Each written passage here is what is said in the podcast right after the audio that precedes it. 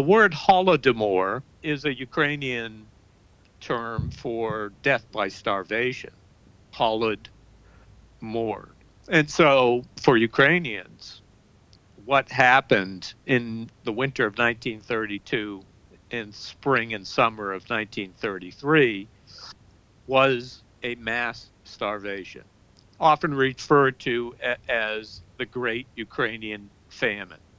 Welcome to Spionpodden.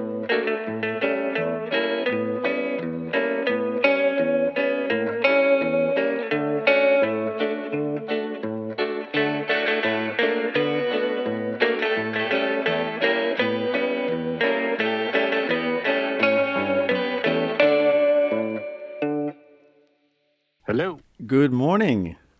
Or good afternoon. I don't know. what shall I say? That's right. Good morning here. Yeah, okay. Hello and welcome to uh, Spionpodden, another episode. We're going to be actually talking about a very, very special uh, person who who uh, was a journalist in the 30s. And to my help, I have professor of journalism at the University of Maryland, Mr. Ray Gamache or Gamache. Uh, thank you. Is it Gam- Usually I pronounce it uh, g- gamage. Gamache? Okay, okay. Yeah, Yeah. Gam- Gamache would be maybe maybe too French. Uh, it, it is French. Well, listen, um, you have written a, a very interesting book about Gareth Jones, and uh, he was the eye. It's called Eyewitness to the Holomo- Holodomor. Please tell me a little bit about that book, and or actually, why don't you start by telling me who who, who was Gareth Jones? So Gareth Jones uh, was a Welsh journalist uh, who grew up in Aber- Aberystwyth, uh, where both his mom and dad uh, were teachers. Uh huh. Uh, and so education was a real foundation uh, for him. And you see that in all of his correspondence. He, he wrote regularly every Sunday, if possible, to his family if he was away. Okay. And so we have this tremendous archive of of records. I mean, the family was prescient enough to uh, keep all of his letters, and it, and they eventually came across all of his notebooks or notebook diaries, as as they're called, uh, which included really the the meat, the substance of so many of his interviews, uh, where he traveled, who, whom he met with, and and because of that record, we've been able to really uh, unpack a lot of of what he was attempting to do uh, as he reported on some of the major events uh, of the 20th century Yeah. and so uh, his timing uh, w- w- was was really something, um, and that that certainly helped in preparing to write the book and then actually uh, sitting there and doing it. Yeah. But, but what's the the book about? I wanted to focus because uh, his family had published a biography of him as well as a second book um, in terms of, of how he died. So there were already two publications uh, about him. I wanted to focus on his reporting, and I, I- I focus only on his reporting regarding the Soviet Union Yeah.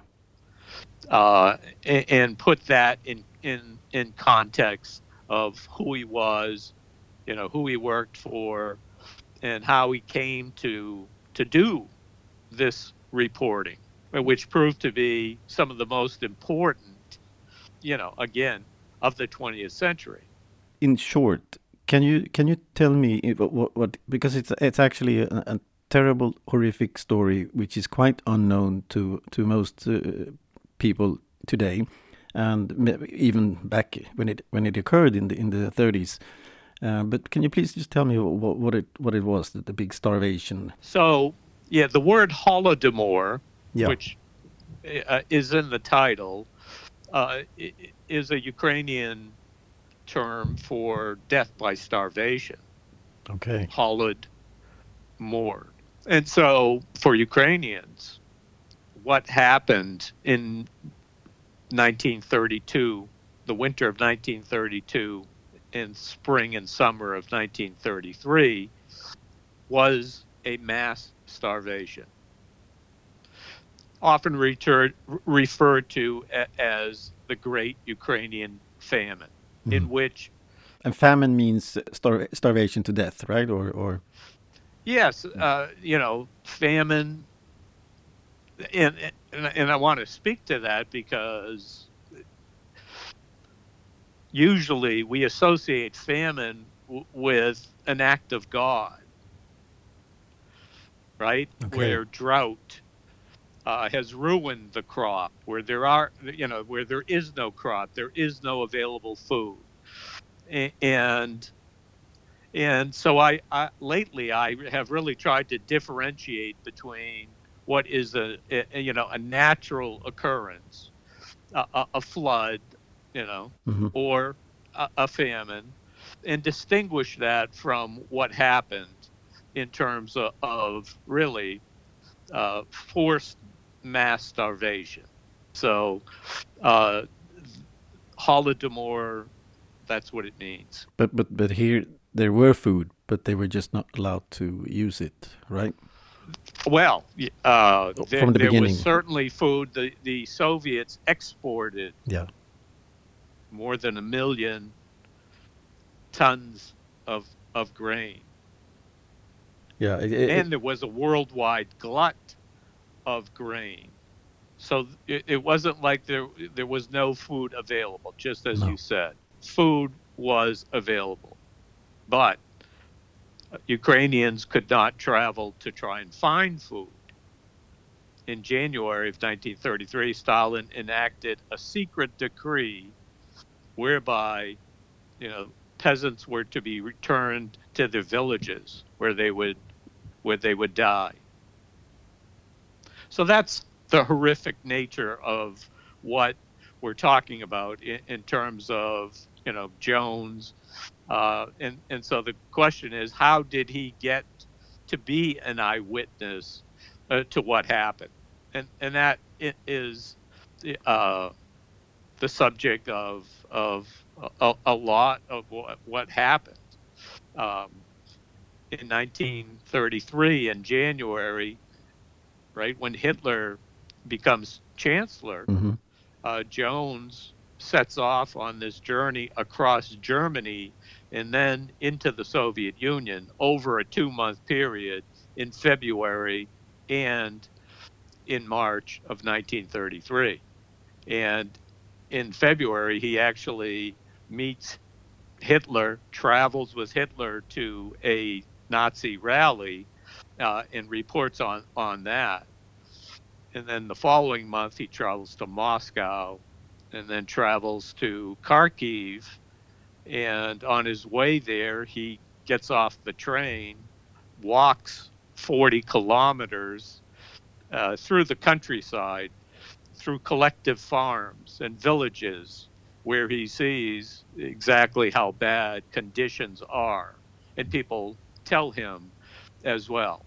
He's able to travel unaccompanied because he speaks the language. But who sent him to begin with? Was he working for the the, the government? Was he a, a surveillance uh, officer? No, he was actually he he was employed by the former prime minister of Great Britain, David Lloyd George, a, another Welshman, and uh, Jones worked for him on several occasions.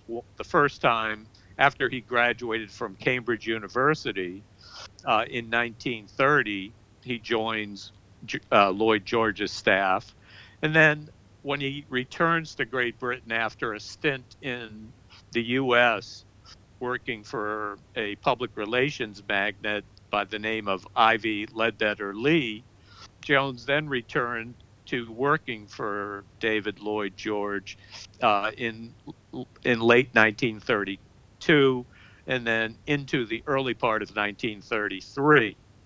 Uh, he writes both the articles, you know, about Germany and Nazism, and then about the Bolsheviks in, in the Soviet Union for the Western Mail and uh, for the financial news, two newspapers in, in Great Britain.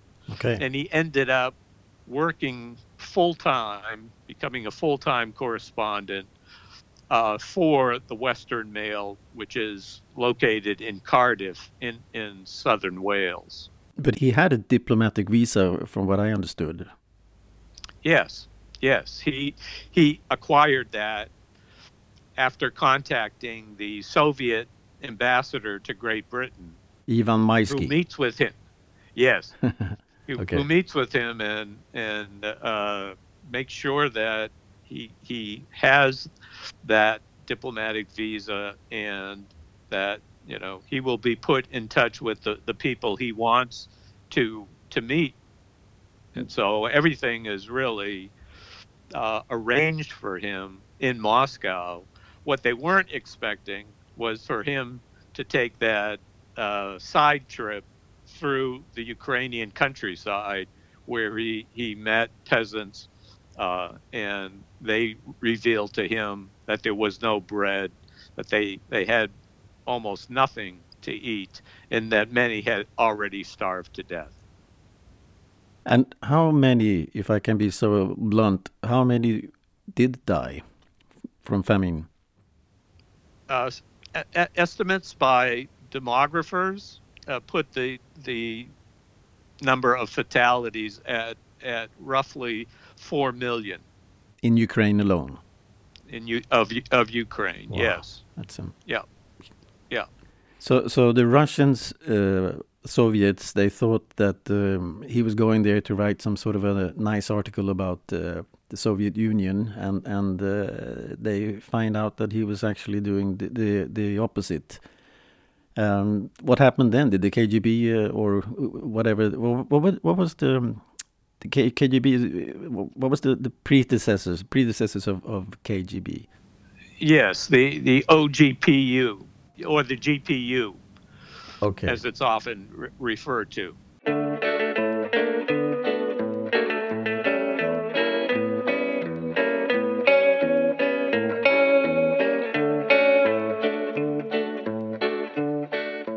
There's been a lot of different uh, police agencies through time in Soviet Union and Russia.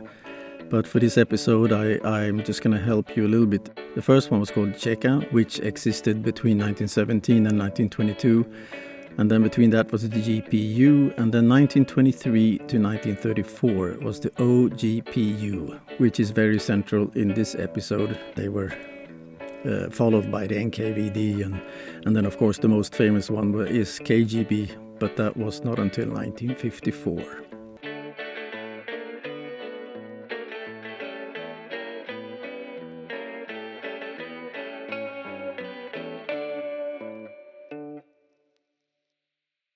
there's an interesting anecdote that Jones tells in one of the newspaper articles about his so-called near arrest as he was as he was passing through uh, one of the railway stations on on the way uh, to Kharkiv. Uh, he was he was accosted uh, by police, and uh, it, he he he thought he was going to be arrested, but he he made you know he showed them his passport. He he really insisted that he was part of uh, the German, a guest of the German consulate, which he was, and they dropped him there uh, in Kharkiv. Okay. Kind of bringing his his uh, tre- trek through the countryside to to an end, uh, but because they were expecting him there, as were the the Soviet uh, press department uh, liaison in Kharkiv, uh, whom Jones left his calling card, made a visit of the Kharkiv tractor factory uh, and and then went back to Moscow. How did Jones do his um, journey through Ukraine? He was he was walking. He had brought uh, some supplies in a rucksack and got off the train at at one station along the border and followed the railway tracks mm-hmm. until he came across villages, uh, farms, collective farms, and uh, because he knew the language, he could go right up to people and, and start asking questions. So he was one of the few reporters who, who could do that because he knew the language. I mean, that was such an advantage uh, for him uh, because it put him into direct contact with ordinary people. And, and how long did that uh, walk take? Well, that's a that's a really good question. As you follow uh, his his diary, he left Moscow on March 10th, and 1933. March yeah, 10th, 1933. Yes. Uh, he he actually gets off of the train on the 11th and spends, I believe, two or three nights uh, camping through the countryside before he was taken to to Kharkiv. Kharkiv is in the northeast of the country and is the largest city in Ukraine. The city was founded in 1654 and was the first capital of Ukrainian Soviet Socialist Republic from December 1919 to January 1934 after the capital relocated to Kiev.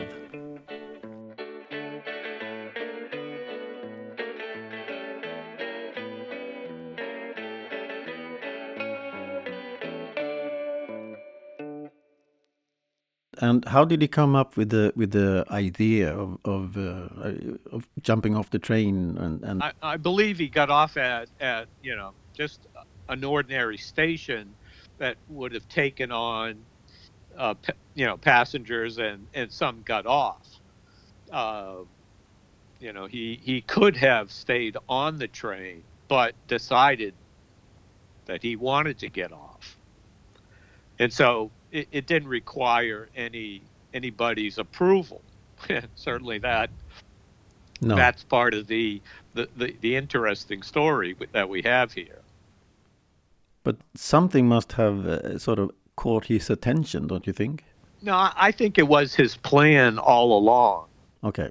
Because in, in several letters he mentioned because he had he had worked uh, with with the been in contact with the German consulate that they knew he was coming, and so he had every intention of going down to to Kharkiv, but I believe that before he got there, he wanted he wanted to see what was going on in the countryside on the collective farms for himself, and and it was a strategic uh, move on his part uh, to be able to do that. Yeah, because if you if you look at the the movie Mr. Jones, which came out last year, um, or maybe it was this year, but if you look at that, he he has a suspicion on, or he really wants to find out how does Stalin get all his money. 1933 was it was not the biggest year in terms of, of exporting grain. Okay. That occurred after they had a very good harvest in, in 1930 uh, the harvests in 1931 and then in 32 were were not very good, and they still exported uh, in each of those years more than a million, you know, tons of grain, and so that's you know, but but you also have to re- remember that grain prices at that time were at an all-time low. And part of what happens in the summer of 1933 is uh, most nations sign this wheat agreement. And part of the wheat agreement is to cut back on production because there was so much grain that you know the price was falling precipitously. Okay, according to your your quite recent paper on Ukrainian resistance to FDR's recognition of the USSR, which means Roosevelt. Um, Jones wrote an article about uh, OGP's um, terror in Russia and, and mm -hmm. pointed towards their uh, the leader Genrik uh, Yagoda. I read from Wikipedia. Genrik Grigorievich Yagoda was a Soviet secret police official who rapidly rose through the ranks of the Cheka, the first secret police of Russia founded in 1917. He later went into the OGPU.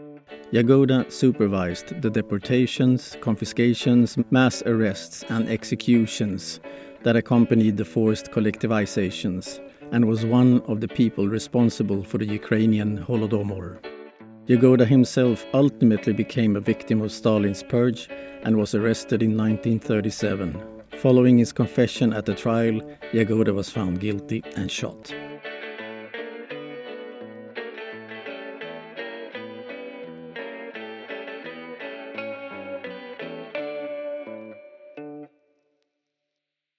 They must have been quite uh, scared about, of him. I don't believe Jones was. No, no, no, no. The the the OGPU must have been. Yeah, the people, the people. Yeah, absolutely. And there, there, you see it in his reporting. You see it in the diaries. You see people saying, "Please don't, don't, don't quote me." Hmm. You know, this will come back to haunt me. And so, unquestionably, uh, there was a sense uh, of terror in terms of, of the, the power that that the the, the Bolsheviks had uh, in the in the police. But what do you think the police had uh, on Jones? What, what do you think they were doing while he was working and sending his diary or or his reports? They were trying to curry his favor. They hoped that he would put out the message that that you know the Soviets were making progress in the socialization of agriculture, which was uh, really the aim of the the end of the first five year plan and the beginning of the, the second five year plan. The the successful socialization of, of factory work had had been completed and and Jones recognized some of the, the accomplishments uh, of the Soviets. And so they thought he could be fair in his presentation of what was happening, you know, in the Soviet Union. And, and so they wanted him uh, to, you know, to write and to, to see things uh, and to speak with the, you know, the most important people. He never interviewed Stalin, but um, he still interviewed uh, several people high up in, in the Communist Party. And, you know, some of the articles show, you know, when the Soviets were, were making progress, but in terms of agriculture, it was a tremendous uh, disaster in 31. And again, the harvest of 32 was not very good. And then the measures that they took uh, to extract all the grain resulted in mass starvation. And four million Ukrainians dead. But but it, I read somewhere that was seven million. But maybe I'm wrong. Those other, I, I mean, I go by research that has been published in, scholarly journals and for the most part, the, the number that you see is between four million and four and a half million. Other estimates, you know, uh, again, it depends on the model being used, but the the idea of that many people starving to, to death is uh, it's mind-boggling. But you, you, were talking a little bit about uh, the police and the Soviets, and, and they were hoping that uh, Gareth Jones would do some disinformation. Um, but they did have another person, uh, Walter Duranty, the American journalist, who was doing a, a, very good job for the Russians or the Soviets regarding disinformation. What, what do you have to say about him? Yeah, they, they knew they could depend on, on Duranty. I mean, Duranty was was based in Moscow. Uh, he was he was one of the most veteran, you know, Western correspondents. He had started out very anti-Bolshevik, uh, especially in his coverage of uh, of the the Civil War, uh, and he was criticized for that. Uh, criticized then after he really became more supportive of, of what the Soviets were attempting uh, as as we went through the 20s and toward the end of the, the 20s with the beginning of the, the five year plan. By that point, Duranty was was uh, pretty much pro-Soviet to the point where the New York Times really had to consider whether or not to to keep him in that position. But then, lo and behold, he he won a Pulitzer Prize in, yeah. uh, in, in, for his reporting in 1931. Uh, it was the 1932 uh, Pulitzer Award for correspondence, and so it's Duranty who responds directly to Jones's announcement when he returns from his visit to the Soviet Union that people were starving to death. Dur- Duranty uh, publishes an article on the on the very same day uh, that Jones publishes his first article, uh, and and calling it you know a hoax, uh, saying that there is no there is no famine, uh, and Jones is is launching a big scare story, as Duranty called it. And so the, fact that Duranty called out Jones by name uh, really, for me, crystallized what was going on here uh, and, and gives it a dramatic center point when this really starts. Uh, and it launched a controversy really that we've been dealing with ever since because you had one person, one journalist saying, you know, I have seen, uh, you know, mass starvation, people starving to death by the by the millions, and uh, another journalist standing there and saying, no, uh, that's not true. That's you know that's fake news, and uh, when we consider that in you know the context of what goes on today, uh, you can see that that what we're dealing with, they dealt with uh, 80 years ago.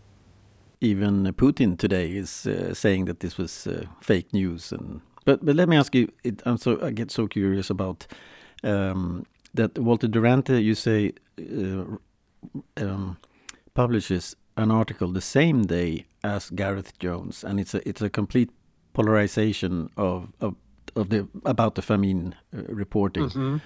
Why do you think Duranty uh, wanted to uh, write about? Why was he blinded, or, or with this and wrote about the, the fake news? Oh, well, for one thing, he was certainly in favor uh, of the United States recognizing the Soviet Union, yeah. which was one of the first and most important challenges that FDR wanted to uh, see through. President Roosevelt wanted to uh, get that passed, and in the summer of 1932, he actually speaks with uh, Duranty, who uh, about um, whether or not the Soviets were being uh, able to to make their credit payments, whether or not they had enough gold reserve, that their that their uh, financial situation w- was stable enough that they could uh, actually, you know, do some trade. Because Roosevelt felt that uh, by recognizing the Soviet Union, it would it would generate and open up markets for American producers, and and with the extension of of credits, uh, there was the belief that the Soviet Union could be a, a huge uh, customer and generate tremendous amounts of trade. And That was the that was the idea behind let's recognize the Soviet Union. Formal recognition, Yeah. which had ended once the Bolsheviks took power from Kerensky. What's what's kind of interesting from an American point of view is that uh, when when there the first phase of the, the Russian Revolution, when Kerensky had the provisional government, the U.S. actually recognized them. But when the Bolsheviks took power, Yeah. that ended, and there was no longer recognition, formal rec- diplomatic recognition by the United States of uh, the Soviet Union. And it had continued that way from 1918 until November 1933. Quite unusual at that time for two major countries not to have, you know, di- diplomatic recognition. Okay, so so what you're saying is four million people die. The, the whole thing with Duranty and Roosevelt, it, it, it was all about, um, and that's why they, they put the blind eye on on that uh, so many people were starving to death in Ukraine was because they wanted to do more business between the Americans and the Soviets. Yes. Yeah. I mean, that's that's certainly a part of it. Is it's not the the the entire No, no, no. entirety of No. it, but is certainly. I mean, you you know, to suggest that it was not, I think is is is tenuous at best. Okay, I'm going to read a few sections from uh, Ray Gamache's book, Gareth Jones, Eyewitness to the Holodomor. What is most remarkable about the diaries of the 1933 trip was Jones's focus on famine conditions in Ukraine, where he visited numerous villages before being transported by secret police to Kharkov. The pocket diaries clearly reveal that his intention was to prove that famine was raging in the countryside. I had narrowly escaped being arrested myself not long before at a small railway station in the Ukraine, where I entered into conversation with some peasants. These were bewailing their hunger to me and were gathering a crowd, all murmuring, There is no bread. The group that made the last and deepest impression on Jones was the homeless children, the besprizorny, a term originally used to describe orphans of the Civil War. With the foulest of rags and the most depraved of faces, they hover about. They wander about the streets of the towns. I have seen some being captured by the police and taken away. As families broke apart, women and children of exiled husbands, fathers were left to fend for themselves in terrible conditions, the children becoming separated from parents. Jones ended this article at the Kharkov train station where he saw 300 homeless children waiting to be taken away. Jones stole a look at them through a window as if he were looking behind the curtain of a scene not intended for public inspection. Seeing these children, yet being powerless to alleviate their suffering, added to the emotional impact. I peeped through the window. One of them near the window lay on the floor his face red with fever and breathing heavily, with his mouth open. Typhus, said another man who was looking at them. Another lay in rags stretched on the ground, with parts of his body uncovered, revealing dried up flesh and thin arms. I turned away and entered the train for Moscow. In the corridor stood a little girl. She was well dressed, her cheeks were rosy, she held a toy in one hand and a piece of cake in the other. She was probably the daughter of a Communist Party member or of an engineer. These children are not the relics of the Civil War. They are the homeless children of hunger. Most of them turned out from their homes to fend for themselves because the peasants have no bread. The train rolled on to Moscow. This was the end of part one of the interview with Ray Gamache and on his book Gareth Jones, Eyewitness to the Holodomor. Don't forget to visit us on Facebook, Spionpodden, or at Instagram, spion.podden, where I will post some quite disturbing pictures from Gareth Jones's work of the Holodomor, but also some other things to watch and read. Until next time, bye bye.